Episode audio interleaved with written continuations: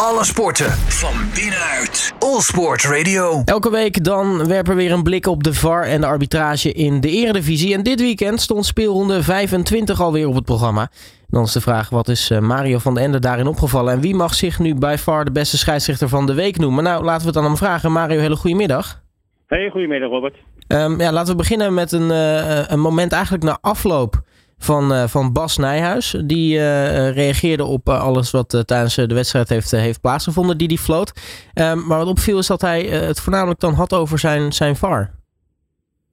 Ja, nou goed, bij de wedstrijd NEC AZ. goed, er ging aan de 0-1, doelpunt van Carlson, dat hij scoorde, ging er een overduidelijke hensbal vooraf. Uh, Nijhuis nam toen ja, voor de camera, zoals gebruikelijk het woord. En uh, ja, kijk, Carlson had zelf al toegegeven dat het een hensbal was. Uh, goed, uh, ja, het was heel gek dat, dat, dat eigenlijk niemand het zag. Uh, scheidsrechter niet, assistent scheidsrechter niet, die op één lijn liep. de, vierde, de, de vierde official niet. En ook de VAR, die, die heeft een aantal keren gekeken... terwijl iedereen in de huiskamer zag dat, het, ja, dat Carlson die bal duidelijk met zijn hand meenam. ja, die gaf niet thuis. Na afloop verklaarde Nijhuis dus dat ja, dat, dat de VAR er helemaal naast zat. Ja, en toen, dat verbaasde me eigenlijk wel dat hij dan natuurlijk zijn VAR zo, zo, ja, zo eigenlijk neerzette, laat ik het zo zeggen. Dat, ik vraag me ook wel eens af, als spelers of coaches of bestuursleden na afloop van een wedstrijd kritiek hebben op de arbitrage, dan kunnen ze een vermaning of een, of misschien wel een schorsing van de KNVB tegemoet zien. Maar als je dat als collega's onderling doet, dan, uh, dan begrijp ik dat niet helemaal. Maar goed, oké, dat, uh, dat is een, een, een, zaak die ze maar eens een keer een zijst uh, moeten uitspreken. Maar het verbaasde me wel dat, dat hij dus, dat de scheidsrechter dus het hele arbitrale systeem en, en, en zijn, zijn VAR ja, eigenlijk te kakken zette. Nou, ik kan zeggen, dat, dat is dus het eerste wat is opgevallen afgelopen weekend. Dus ik zou zeggen, ja, hou ons niet langer in spanning, ja, Mario. Want jij begint ermee. Dus dat, is niet alleen, dat is niet alleen mij opgevallen. Ja, ja wat natuurlijk ook uh, ja, erg uh, wrang was, was dat uh, Vitesse Sparta werd gestaakt. waar waar een, een, ja, een bier, ja, een bierglas, nou ja, dat is natuurlijk geen glas, maar dat is een beker op de, op de doelman van Sparta kwam. Uh, ja, ik vond het een, ja, een hele terechte beslissing dat die wedstrijd werd gestaakt. Er ook natuurlijk nog een supporter het veld op die de keeper belaagde.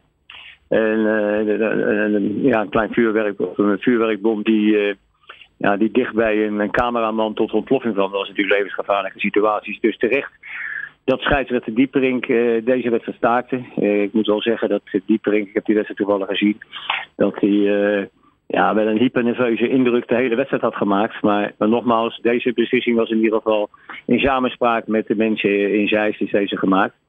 Uh, met de competitieleider waarschijnlijk. Uh, en ja, gewoon terecht dat, uh, dat, dit wordt, dat, ja, dat dit wordt gestaakt. En die zal ongetwijfeld worden uitgespeeld zonder publiek.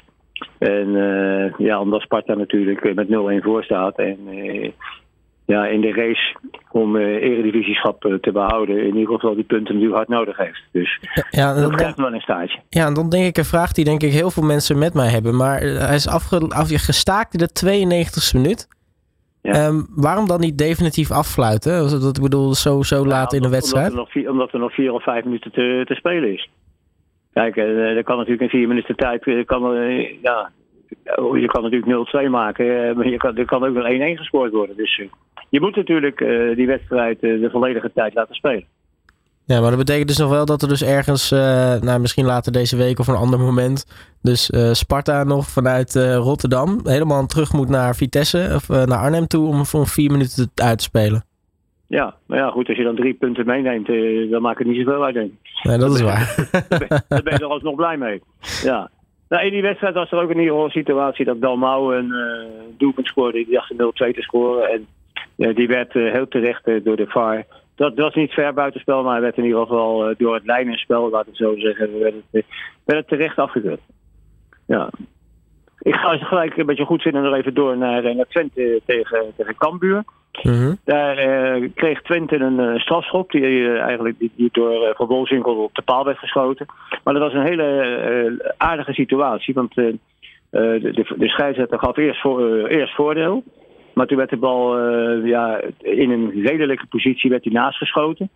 En in de spelregels staat dat uh, inderdaad uh, wanneer, uh, wanneer een scheidsrechter voordeel geeft en er kort daarop niet het, het voordeel ja, zo uitpakt zoals het hoort te zijn, hè, dus in ieder geval een, doelpunt, ja, dan mag hij nog terugkomen op die beslissing en dan mag hij alsnog een strafstop geven. Dus wat dat betreft had de scheidsrechter hier in dit geval goed, ja, goed gehandeld.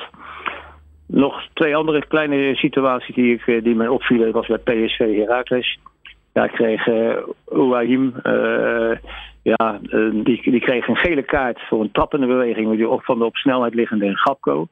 Uh, scheidsrechter van de Graaf hield het geel, maar ik denk als je die overtreding nog een keer terugziet op volle snelheid, dat een andere kleur ook zeker op zijn plaats was geweest.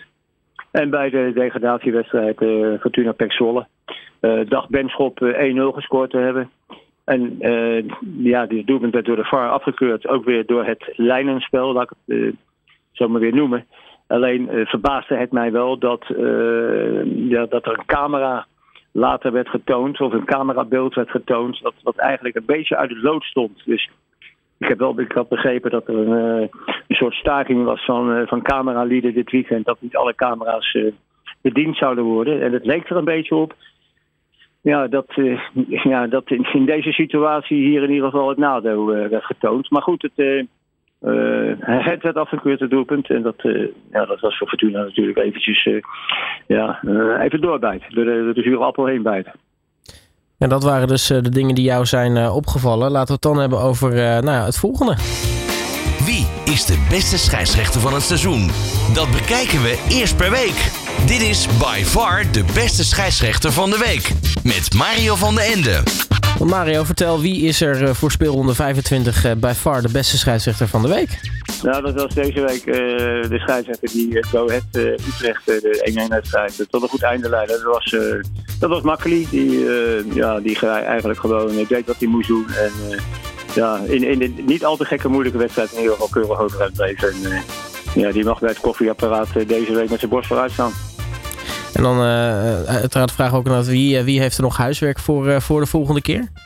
Nou ja, ik denk waar we eigenlijk mee begonnen, dan denk ik toch weer dat, dat Nijhuis, ondanks hij wel goed van zijn woorden afkwam, maar ieder geval wel eventjes nog even achter zijn oren moet of hij dan wel zijn, zijn collega's. En ik, ik, ik, hoorde gisteren ook nog iemand zeggen van, op televisie, van misschien is het wel een soort afrekening van een paar weken geleden toen, toen Nachtegaal, dat was de man die dus, nu als VAR optrad, hem volgens Nijhuis ook wel onterecht bij een situatie met Jarbach gehad bij bij Feyenoord toen naar de kant had gehaald.